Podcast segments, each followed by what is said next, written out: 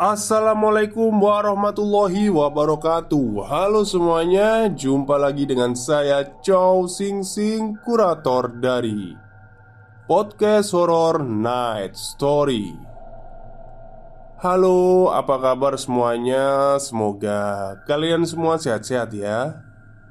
Dan seperti biasanya pada malam hari ini Saya kembali dan akan menghadirkan sebuah kisah mistis untuk kalian semua Kisah mistis kali ini saya dapatkan dari tweet twitternya Om Ras Yang menceritakan tentang seorang pria Yang terjebak, terjebak lama di sebuah perkampungan jin. Seperti apa kisahnya? Mari kita simak. Nasib sial kembali menimpa Muji. Seorang laki-laki berusia 34 tahun yang baru saja diberhentikan dari sebuah perusahaan batu bara yang ada di Kalimantan. Padahal baru enam bulan dia bekerja di sana. Itu pun dia memohon-mohon kepada kades agar mau menjaminnya supaya ia bisa diterima di perusahaan itu. Tapi baru setengah tahun bekerja nasib sial malah menimpanya. Malam itu, ia tak sengaja menabrak sebuah bus karyawan yang dikemudikan oleh temannya yang sedang terparkir di pinggir jalan. Disebabkan karena matanya yang sangat mengantuk, hingga tanpa sengaja Volvo truk tambang yang ia kemudikan menabrak bus karyawan hingga rusak. Memang perusahaan tempat ia bekerja itu akan memberhentikan siapa pun sopir atau karyawan yang teledor. Sesampainya di rumah, Muji malah diceramahi oleh istrinya. Makanya, kau itu kan sudah kuperingatkan, sudah kunasehati. Kalau kau berteman dengan temanmu itu jangan sampai ikut minum toa. Tapi Kau itu tak pernah mau mendengarkan aku. Akhirnya apa? Begini kan jadinya? Ujar istri Muji yang bernama Deli itu Sambil menyusui anak mereka yang masih bayi Aku tidak dalam keadaan mabuk malam itu Del Jawab Muji Ah, bohong Aku tahu siapa kamu sekarang coba kamu pikir. Mau dikasih makan apa aku sama anakmu ini, hah? Ujar Deli. Nada suaranya semakin meninggi Saat mendengar pembelaan suaminya itu. Kalau kau masih suka berteman dengan kawan-kawanmu yang sering ngajak kau mabuk itu Lebih baik kita bisa saja. Selama ini aku sudah cukup sabar dengan semua kelakuanmu dan perlakuanmu kepadaku. Aku juga sudah memberikanmu begitu banyak kesempatan, tapi apa? Kau tidak pernah berubah sampai-sampai anakmu yang masih bayi dan dalam keadaan sakit pun kau tinggalkan demi teman-temanmu itu. Di mana otakmu itu, hah? Bentak Deli diiringi air mata yang cukup deras mengalir. Muji tertunduk diam. Ia mengingat kembali semua hal yang pernah ia lakukan. "Aku minta maaf. Aku janji berubah." Ucap Muji seraya bersujud di pangkuan istrinya. "Aku gak butuh janjimu, karena seperti yang lalu-lalu, janjimu gak pernah kau tepati." Ujar Deli. Sampai larut malam, kedua pasangan suami istri itu pun masih tak bertegur sapa. Deli lebih memilih untuk mengurusi anak bayinya ketimbang menyediakan suaminya makan. Dan karena perut yang sudah terasa lapar, Muji akhirnya ke dapur untuk memasak. Namun, tempat beras kosong hanya ada sekitar satu genggam beras saja di dalamnya. Begitu juga dengan kopi dan teh. Dapurnya benar-benar kosong. Tiba-tiba terdengar suara Deli di ambang pintu dapur. "Cari apa kamu? Beras, gula, kopi?" Beras terakhir yang rumah ini punya sudah kau habiskan untuk meminjami Darmi, kawan akrabmu si Raja Toa itu. Kopi dan gula kau habiskan untuk menyuguhi kawan-kawanmu yang datang beberapa hari yang lalu. Dan kau tak pernah memikirkan kami Apakah kami sudah makan atau belum Kau tidak pernah memikirkan itu? Ujar Deli dengan mata yang berkaca-kaca Dan perlu kau ketahui Sudah beberapa hari ini Aku dan Momo makan di tempat kakakku Karena apa? Karena tak ada beras di rumah ini Semuanya habis kau berikan kepada kawan-kawan setanmu itu yang hanya bisa bergantung padamu dan mengajak kau minum-minum tua. Lanjut Deli. Muji tetap diam. Ia menyadari kesalahannya yang sudah tidak memikirkan anak dan istrinya, yang seharusnya menjadi hal yang utama ia perhatikan. Saat tengah hening, Suara geluruk perut Deli yang lapar mulai terdengar. Muji semakin merasa bersalah kepada wanita itu. Lalu, tanpa pamit, Muji berjalan keluar rumah.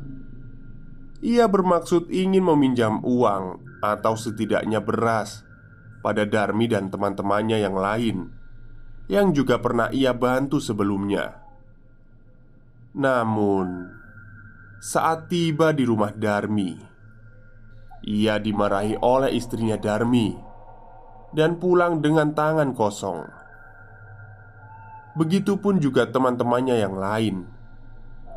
Tak ada yang bisa membantunya, dan tak ada yang mau meminjamkan uang ataupun beras untuk makan malam itu saja. Dengan langkah gontai dan putus asa, ia berjalan pulang. Di tengah jalan, ia teringat kepada kakak iparnya, dan dengan rasa malu yang teramat sangat karena pernah menolak saat si kakak iparnya meminjam uang, ia pun pergi ke rumah si kakak ipar untuk hutang beras. Dan sesampainya di rumah kakak iparnya, Muji disambut dengan baik dan ramah. Ia juga diberikan dua liter beras serta dua biji telur ayam kampung yang baru saja diambil dari kurungan ayamnya. Ada juga sedikit kopi dan gula. Muji sangat-sangat berterima kasih dan segera pulang untuk memasak. Sesampainya di rumah, Muji melihat Deli yang sudah tidur sambil menyusui anaknya. Hah, kau benar, Del. Selama ini teman-temanku hanya memanfaatkan aku saja. Di saat aku susah, mereka semua menolak kedatanganku. Aku bersumpah, Del, aku akan menepati semua janjiku padamu yang dulu belum kutepati. Aku akan membahagiakan kalian berdua, Del. Aku janji. Batin muji. Setelah nasi masak dan telur sudah digoreng, Muji mengambil sepiring penuh nasi dan membawanya ke dekat Deli. Pelan-pelan ia membangunkan Deli. "Kamu makan dulu ya, pasti lapar." Ucap Muji awalnya Tapi Deli tidak mau Namun Saat mendengar penjelasan suaminya Akhirnya Deli makan Disuapi oleh Muji Keduanya kembali akur Dan saling menyemangati. Dia juga berjanji Akan lebih baik lagi Demi anak mereka. Sudah hampir dua bulan Muji menganggur Dan hanya mengandalkan kemahirannya Dalan menyadap karet. Suatu hari Ketika sedang membaca-baca berita Ia melihat sebuah lowongan pekerjaan Di sebuah perusahaan sawit Yang juga ada di Kalimantan. Lokasinya cukup jauh dari desa tempat tinggalnya. Lalu Muji meminta izin kepada istrinya Berharap istrinya mau mengizinkannya. Ia melamar di perusahaan kelapa sawit itu. Dan Karena keadaan ekonomi mereka yang pas-pasan Akhirnya Deli mengizinkan Dengan syarat Jika sudah diterima nanti Dan suaminya sudah bekerja genap satu bulan di sana Ia dan anaknya juga harus ikut tinggal di sana Walaupun harus menyewa sebuah rumah. Dan Muji pun langsung mengiyakan persyaratan itu. Dan singkat cerita, keesokan harinya Muji langsung mempersiapkan berkas-berkas untuk melamar kerja. Surat permohonan yang ia tulis sendiri ia baca berulang kali dengan teliti agar tidak ada kesalahan kata ataupun coretan. Ia sangat berharap bisa masuk ke perusahaan itu, meskipun hanya di perusahaan sawit yang tentu gajinya lebih sedikit ketimbang saat ia bekerja di perusahaan tambang batu bara sebelumnya. Hari itu, Muji sudah bersiap-siap berangkat dengan menaiki sebuah ojek untuk mengantarkannya ke terminal bus yang cukup jauh dari rumahnya. Sesampainya di terminal, Muji langsung berjalan ke arah loket bus untuk membeli sebuah nomor yang akan ia cocokkan dengan bangku bus nanti. Singkatnya sekitar pukul 8 malam Bus yang ditumpangi Muji Meluncur perlahan keluar dari terminal Orang-orang seperjalanan dengannya mulai asik dengan masing-masing aktivitas. Ada yang ketiduran, ada juga yang mulai muntah-muntah akibat mabuk perjalanan. Bus itu melaju membelah gelapnya jalanan yang pada saat itu tak ada kendaraan lain yang melintas di sana. Seiring waktu yang semakin larut, perlahan-lahan Muji mulai diserang rasa kantuknya. Entah sudah berapa jam ia tertidur, dan ketika ia terbangun, dirinya dan juga penumpang-penumpang lain sudah berada di halaman rumah makan yang buka 24 jam itu. Muji melangkah keluar, meskipun ia tidak bermaksud untuk makan di rumah makan itu. Sejenak Muji duduk berselonjor tak jauh dari bus Ia menatap orang-orang yang memenuhi rumah makan itu Sementara itu Muji hanya bisa memakan sebuah roti isi coklat Yang ia beli di warung yang ada di terminal bus Sebelum ia berangkat tadi Ada seorang bapak-bapak tua mendekatinya Dan ikut duduk di sebelahnya Si lelaki tua itu nampaknya sangat ramah. Garis-garis ketampanannya masih terlihat di wajah keriputnya. E, kenalkan, namaku Juliadi. Aku tidak biasa makan di tengah jalan, takut mutah. Aku kalau kepergian itu paling hanya minum teh hangat, tidak pernah makan. Ujar si bapak tua itu Seraya memperkenalkan dirinya Oh Kalau saya pak Memang karena cuma membawa uang pas-pasan Makanya makan roti Seloroh muji. Kamu mau makan? Ayo biar aku yang bayar. Aku juga mau beli teh hangat Ujar bapak tua itu. Eh, nggak usah pak. Saya tadi hanya bergurau. Saya nggak lapar kok. Tidak terbiasa makan tengah malam. Tolak Muji halus Ia jadi tak enak dengan kebaikan bapak tua itu Yang baru dikenal langsung mentraktirnya. Kalau gitu Kita minum teh hangat atau segelas kopi aja yuk. Ajak bapak tua itu. Keduanya pun berjalan masuk ke rumah makan itu. Si bapak tua langsung memesan dua gelas teh hangat kepada si pelayan, dan tidak lama kemudian si pelayan datang membawa dua gelas teh hangat, juga sepiring nasi penuh dengan lauk pauk serta sayur dan sambalnya. Muji menatap si lelaki tua itu. Si lelaki tua itu mengangguk sambil tersenyum. Silahkan dimakan nak Gak baik menolak rezeki Ujar si bapak sambil mengangkat gelas tehnya. Muji pun makan dengan lahap. Lalu Perbincangan terjadi. Ternyata si bapak tua itu baru saja pensiun Dan akan pulang ke kampung halamannya. Beliau juga menanyakan maksud dan tujuan dari Muji itu apa. Dan Muji menjawab dengan sejujur-jujurnya bahwa ia ingin melamar kerja di salah satu perusahaan sawit yang ada di Kalimantan bagian sana. Setelah mengucapkan terima kasih dan bertukar nomor HP, Muji dan si lelaki tua itu pun berpisah dan duduk di bangku masing-masing. Hingga Bus berhenti di terminal tujuan.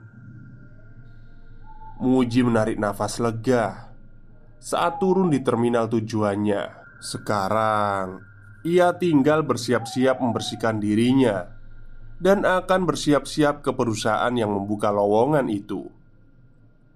Tapi sebelumnya, ia berkeliling terminal mencari si bapak tua itu guna untuk berpamitan dan berterima kasih.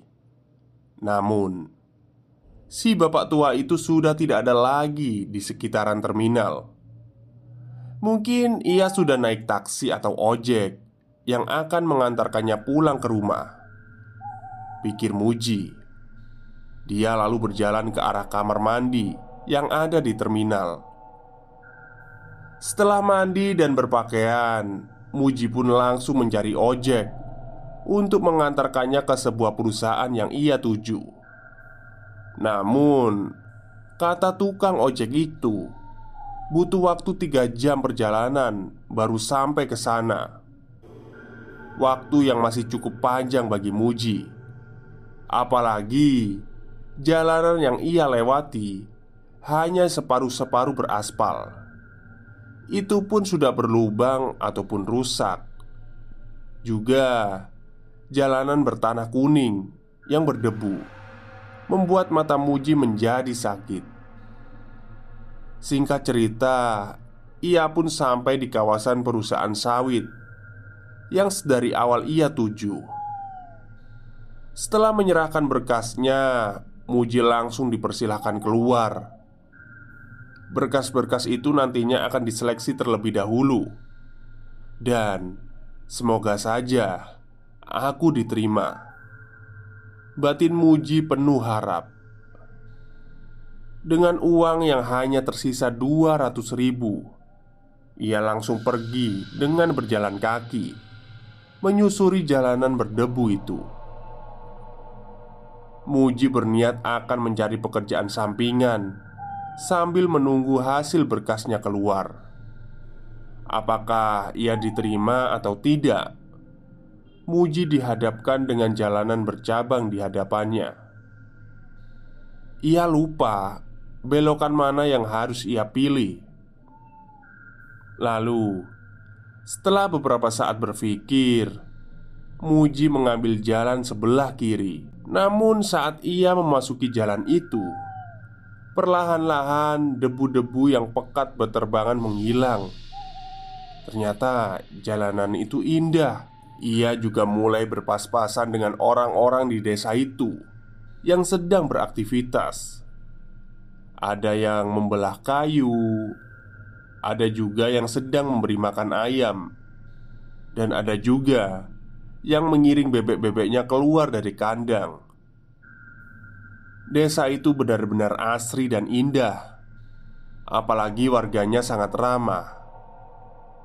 Mereka tak ragu-ragu menyapa Muji. Bahkan ada beberapa yang mengajak dan memanggil Muji untuk mampir ke rumahnya. Muji yang memang pada dasarnya tidak enakan. Akhirnya mau diajak masuk ke dalam rumah Oleh salah satu warga di sana. Sebut saja namanya Pak Tuki. Di dalam rumah itu Muji juga dihampiri oleh warga lainnya Yang merupakan tetangga Pak Tuki. Dan mereka pun mengajak Muji untuk mengobrol dan berbincang-bincang ia juga disuguhi minuman dan bermacam-macam kue Serta makanan-makanan lainnya.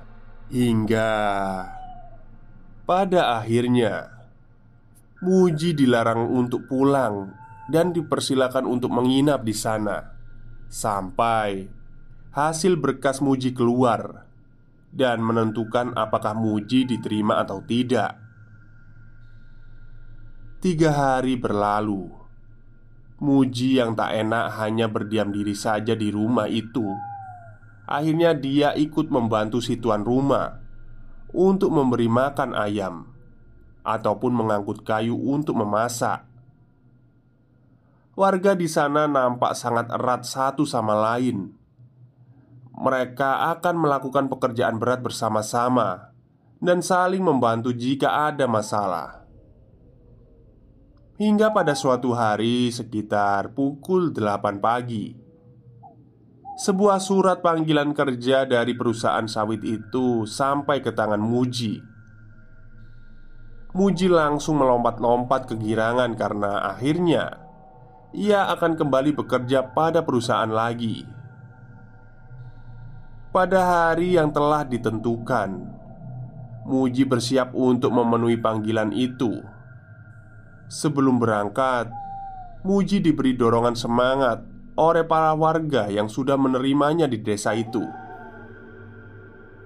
Biar Holik yang mengantarmu nak Muji Ujar Pak Tuki sambil menunjuk seorang pemuda Yang berusia 20 tahunan yang berdiri di pojokan Lalu setelah mengucapkan terima kasih Muji pun berpamitan untuk berangkat ia diantar oleh Holik sampai di persimpangan. Dan setelah itu Holik pulang Sambil melambaikan tangannya ke arah Muji. Sebulan telah berlalu. Hari itu Muji sengaja izin untuk mencari rumah kontrakan di desa yang dulu pernah ia singgahi Agar nanti saat anak dan istrinya datang Muji tidak kerepotan lagi mencari tempat tinggal. Karena memang pada saat itu ia masih tinggal di mes perusahaan yang tidak mendukung jika ia juga mengajak anak dan istrinya tinggal di sana.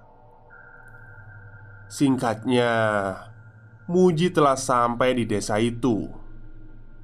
Orang-orang di sana menyapa Muji dengan ramah. Mereka rupanya masih ingat padaku. Batin Muji Rumah pertama yang Muji hampiri adalah rumahnya Pak Tuki. Di sana rupanya Pak Tuki sedang tidak ada di rumah karena mencari kayu bakar. Saat Muji masuk ke dalam rumah, para tetangga Pak Tuki juga langsung berkumpul dan mulai memasak. Perlakuan mereka masih sama seperti sebulan yang lalu. Mereka masih hangat dan ramah. Muji ditanyakan bagaimana perasaannya bekerja di perusahaan itu, dan lain sebagainya.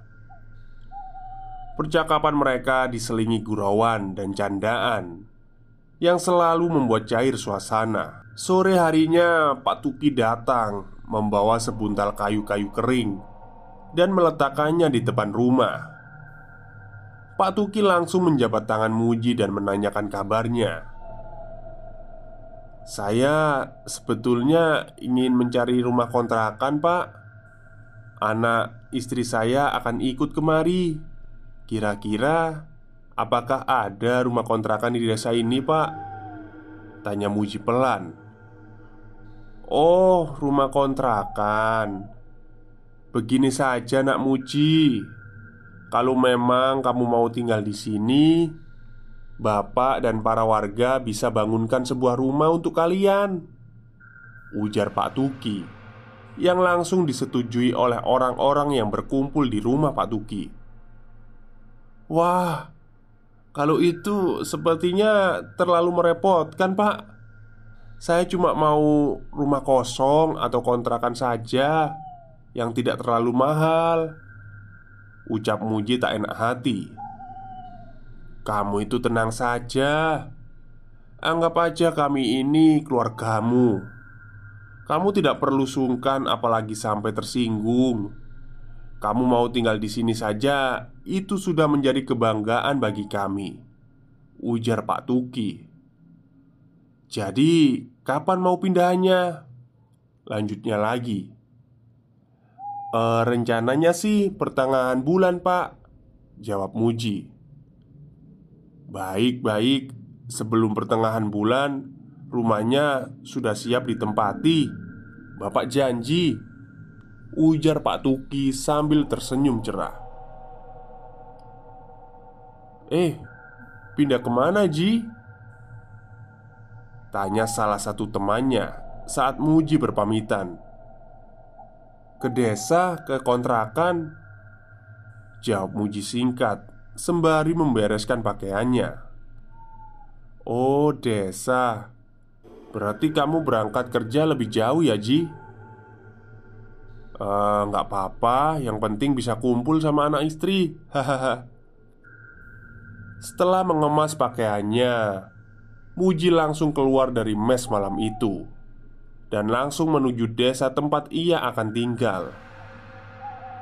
Sengaja Muji pindahannya malam karena kalau pagi sampai sore ia harus bekerja.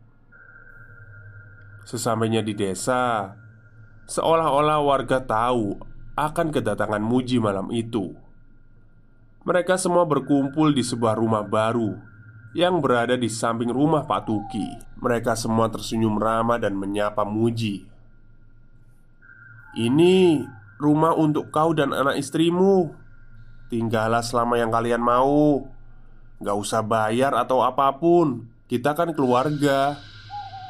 Ujar Pak Tuki Mewakili seluruh warga yang ikut dalam pembangunan rumah itu Waduh pak Saya jadi nggak enak Bapak dan para warga di desa ini sangat baik terhadap saya Saya bingung bagaimana saya harus membalasnya Ucap Muji terharu Ya, siapa pun yang datang ke desa kami dengan bersikap sopan dan tidak berniat macam-macam, kami akan selalu membuka pintu rumah untuk menyambutnya. Kami akan memperlakukannya selayaknya raja. Jadi, nak muji, nggak usah sungkan, karena orang baik harus diperlakukan dengan baik pula. Ujar Pak Tuki sembari tersenyum.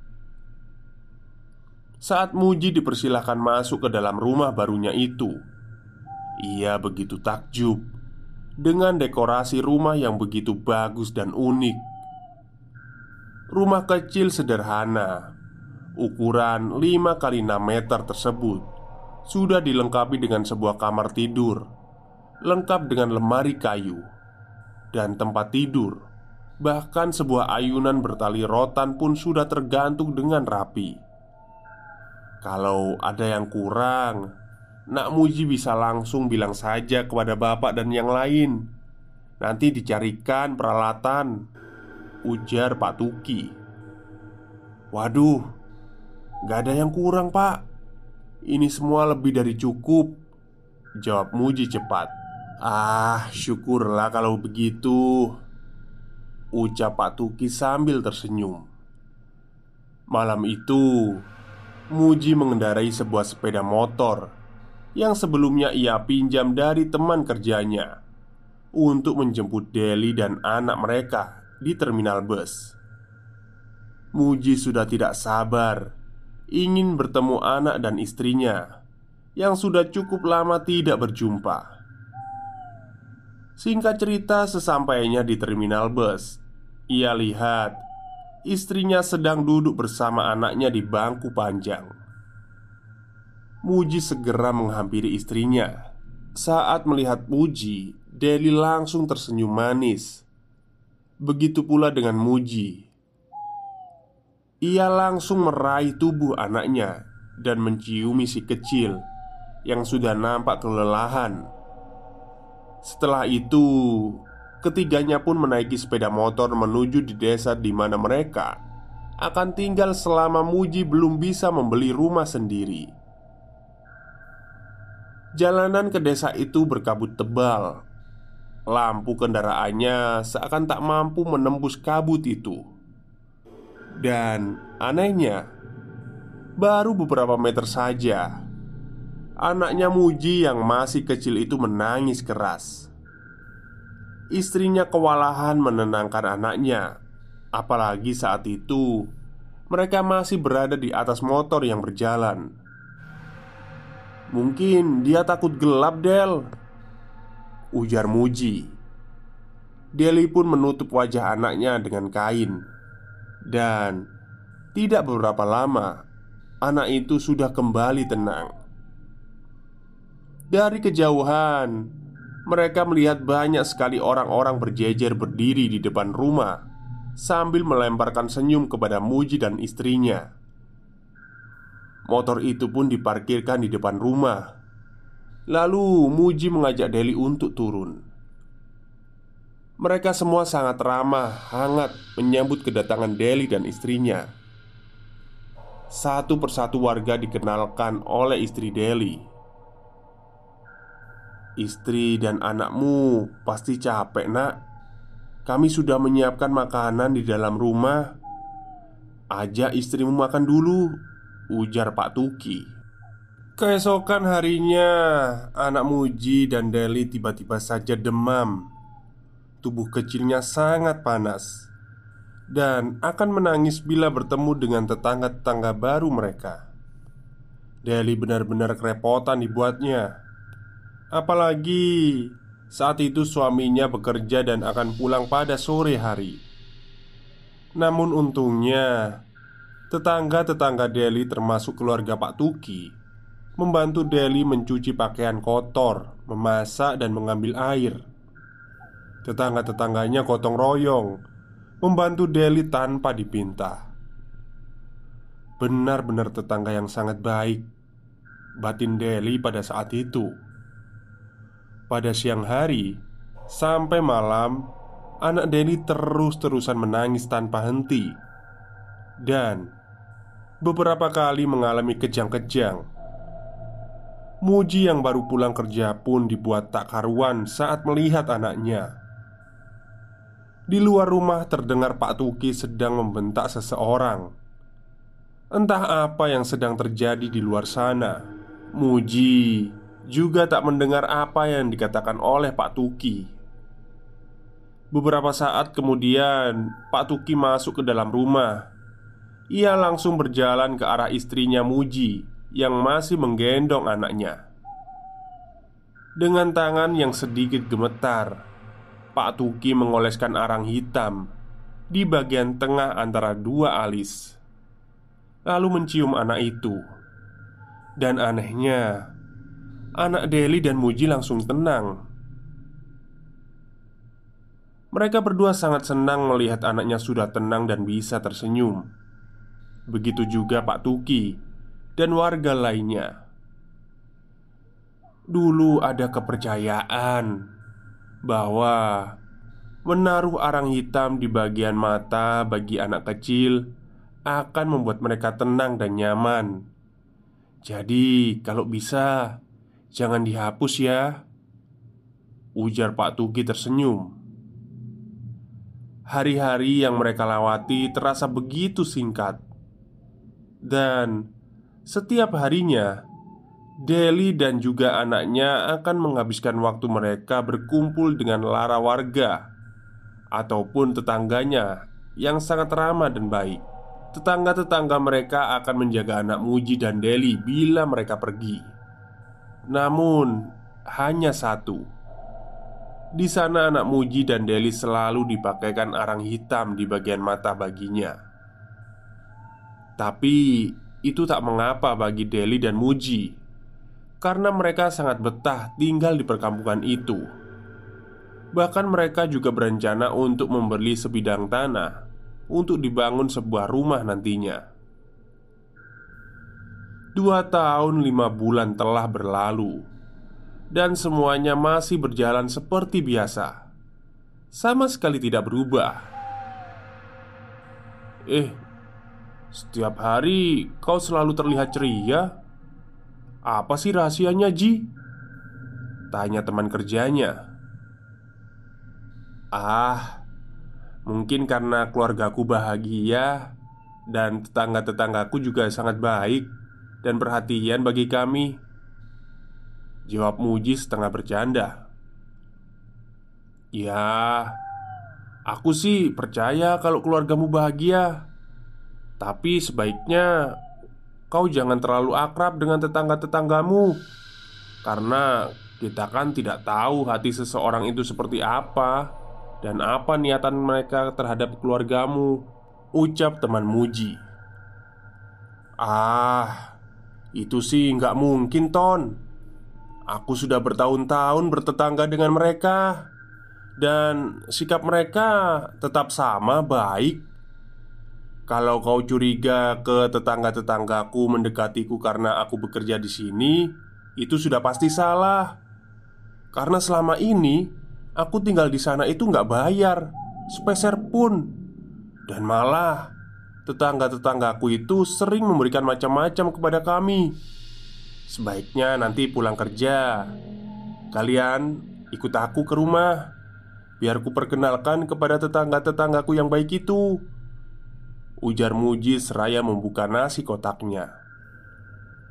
Sepulang kerjanya, Muji mengajak beberapa teman untuk main ke rumahnya. Mereka turun di persimpangan jalan dan berjalan kaki memasuki desa. Baru tahu kalau di sini ada desa ya, Mat. Ujar salah satu teman Muji berkata pada yang lainnya. Singkat cerita akhirnya mereka sampai di perkampungan tempat Muji dan anak istrinya tinggal Beberapa warga terlihat menatap mereka dengan tatapan sulit diartikan mereka menyapa teman-teman Muji dengan ramah, sama seperti Muji yang dulu. Mereka disambut dengan sangat baik dan disediakan makanan yang lezat. Semua teman Muji dibuat senang dan gembira, apalagi dengan kehadiran beberapa orang gadis cantik di sekitar mereka. Namun, Hoir yang terkenal polos itu malah menjauh dan lebih memilih untuk mengobrol dengan Pak Tuki yang sedari tadi mengawasi mereka dari pelataran rumahnya. Saat akan pulang, Iton yang memang rakus membungkus habis sisa makanan yang tadi dihidangkan untuk nanti ia makan di rumah. Pagi itu, Pak Tuki menghampiri Muji yang sedang bersiap-siap untuk berangkat kerja. Beberapa temanmu yang tadi malam datang bersamamu itu punya niatan yang baik. Semoga saja kau tidak termakan hasutan mereka Ucap Pak Tuki yang merasa aneh di telinga Muji. Muji terdiam. Ia masih bingung dengan ucapan Pak Tuki. Raut wajah Pak Tuki juga terlihat berbeda dari biasanya. Sesampainya di tempat kerja Hoir dan Iton memberitahu Muji bahwa teman-teman yang lainnya jatuh sakit. Dan Iton juga menunjukkan sesuatu yang berbau amat sangat busuk di dalam tasnya. Kata Iton, itu adalah makanan yang sempat ia bawa dari rumah Muji dan Pak Tuki. Tapi yang Iton tunjukkan itu tidak seperti makanan, malah sebaliknya dalam bungkusan seperti tumpukan kumpulan sampah dan makanan itu sudah berlendir, beraroma busuk. Malah, sebagian ada bekas gigi gigitan hewan dan belatung. Muji menggelengkan kepalanya. Ia tak percaya pada apa yang dikatakan Iton. Tidak ada alasan untuknya meragukan kebaikan Pak Tukin dan warga lainnya. "Ah, kalian ini pasti mengada-ada. Tega sekali kau itu, Ton, menuduh orang sebaik Pak Tuki." Bentak Muji. "Sumpah demi Tuhan, Aku tidak ada menuduh apalagi menyalahkan. Aku hanya bilang bahwa ada yang tidak beres dengan mereka Ji. Jawab Iton tak kalah sengit. Muji pergi tanpa bicara. Hari itu benar-benar membuatnya ingin segera pulang ke rumah. Setelah hampir tiga bulan lebih Iton dan Hoir pergi diam-diam menuju perkampungan di mana Muji dan keluarga kecilnya tinggal. Mereka berdua ingin memastikan sesuatu tentang tempat itu yang sebelumnya sudah ditanyakan ke orang pintar. Mereka berjalan sudah hampir satu jam menyusuri jalan itu. Namun aneh, mereka tidak menemukan perkampungan itu. Tak mau berputus asa, mereka lalu mengeluarkan HP dan mencoba melihat di sekitar jalanan melalui kamera sepanjang jalan. Mereka melihat jalan dan sekitarnya dengan kamera HP. Namun, setelah sekian lama, sama sekali tidak ada keanehan. Hingga beberapa saat kemudian terlihat sebuah perkampungan yang persis dengan kampung yang dulu pernah mereka datangi. Namun anehnya, saat mereka melihat tanpa kamera, perkampungan itu lenyap. Hanya ada tanah kosong yang dipenuhi semak belukar. Berkali-kali mereka berdua mengarahkan kamera dan kemudian mengalihkannya. Namun tetap sama, perkampungan itu tidak terlihat tanpa kamera. Tiba-tiba saja, saat mereka mengarahkan kameranya lagi, nampak sesosok makhluk kurus berbulu lebat berwarna kemerahan tepat berada di depan kamera yang seketika membuat keduanya melompat ke belakang dan tanpa sengaja HP yang dipegangnya pun ikut terlempar ke atas. Saat ingin mengambil HP-nya, ada angin dingin yang berhembus, meresap ke dalam tulang, dan membuat mereka menggigil. Dan saat HP itu berhasil diambil, Iton langsung menghidupkannya dan mengarahkan kamera ke depan. Namun, tak ada apa pun yang nampak di kamera, hanya tanah kosong.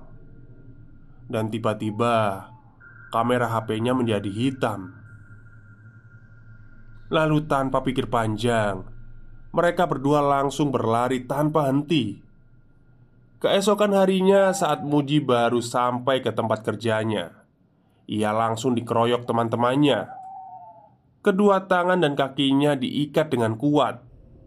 Lalu, teman-temannya membawa Muji mengendarai sebuah mobil menuju sebuah jalan besar. Mulutnya juga disumpal. Hanya tatapan Muji yang terlihat seperti sangat marah kepada teman-temannya. Beberapa saat kemudian, Mobil itu memasuki sebuah halaman rumah dengan cat warna hijau muda di depan bagian rumahnya. Muji diangkat dan digotong masuk ke dalam rumah. Di dalam sana sudah ada seorang laki-laki berkopiah haji. Muji benar-benar dibuat kesal dan emosi, apalagi setelah mengetahui maksud dan tujuan dari teman-temannya membawa ia ke sana. Mereka bermaksud menyadarkan Muji dari tipuan mata dari warga perkampungan itu. Di sana, Muji diberi minum sesuatu yang diambil dari sebuah bambu dan masih dalam keadaan terikat. Muji ditampung atau ditawari bagian matanya itu dioleskan sesuatu. Lalu orang itu menyuruh teman-teman Muji untuk melepaskannya. Setelah ikatannya terlepas, Muji langsung membentak semua teman-temannya yang terlibat. Lalu, ia pulang tanpa permisi. Hari itu Muji langsung pulang karena amarahnya sudah tak bisa ia tahan. Namun anehnya, setelah sekian lama perjalanan pulang, ia tak juga melihat batas desa. Tanpa curiga sedikit pun, Muji terus melangkah. Tak beberapa lama kemudian, ia melihat anak dan istrinya yang sedang duduk di antara semak-semak sambil berbicara sendiri. Jantung Muji seketika berdetak dengan cepat. Apalagi setelah melihat sesuatu yang istrinya suapkan kepada anaknya Yang berupa bubur hambang dan bubur putih Yang sudah berlendir dan berulat Perut Muji langsung mual Ia melemparkan makanan itu ke tanah Tentu saja itu membuat istrinya marah dan bertanya-tanya Heh, kau kasih makan apa anakku?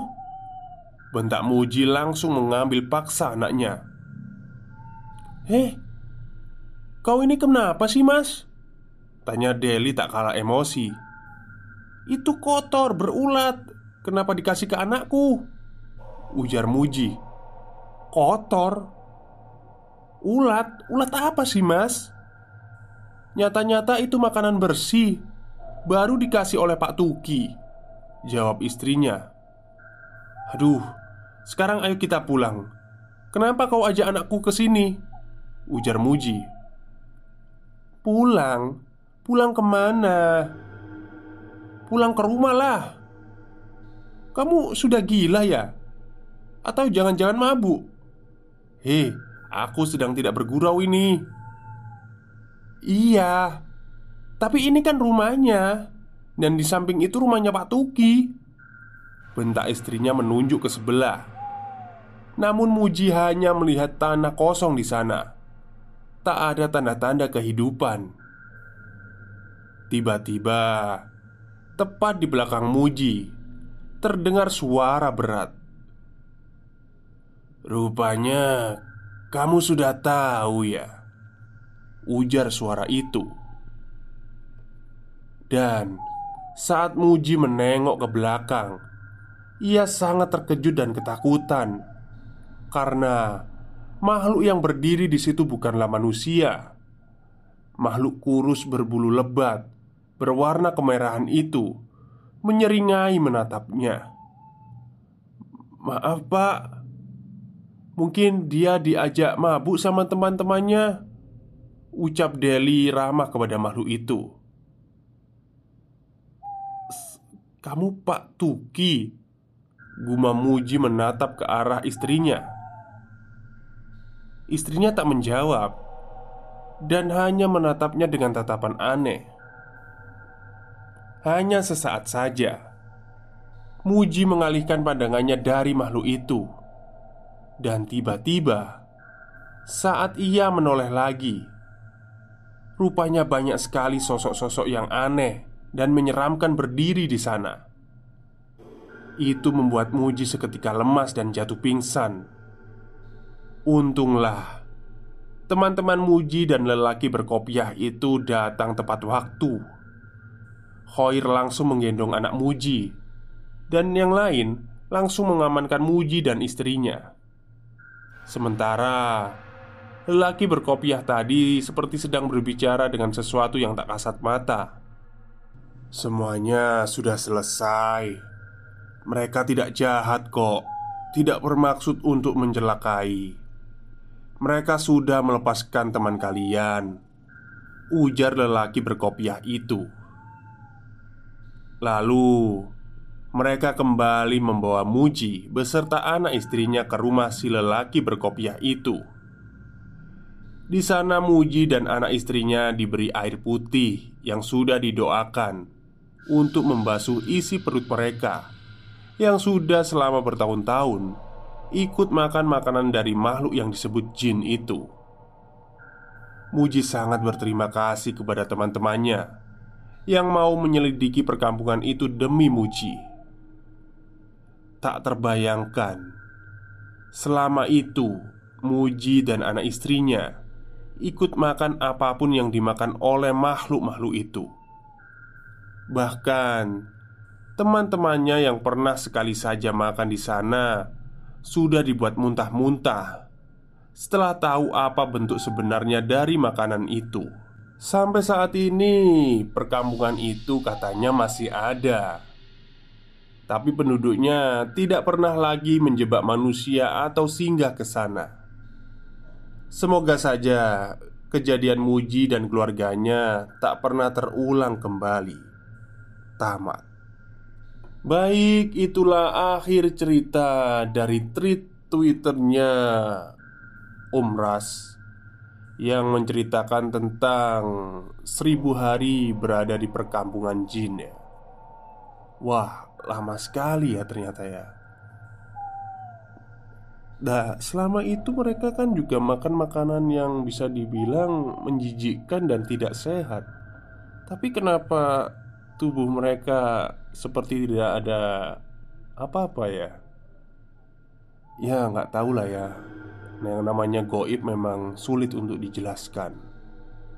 Oke mungkin itu saja cerita pada malam hari ini Selamat bermalam minggu bagi kalian yang menunaikannya ya. Oke Selamat malam dan selamat beristirahat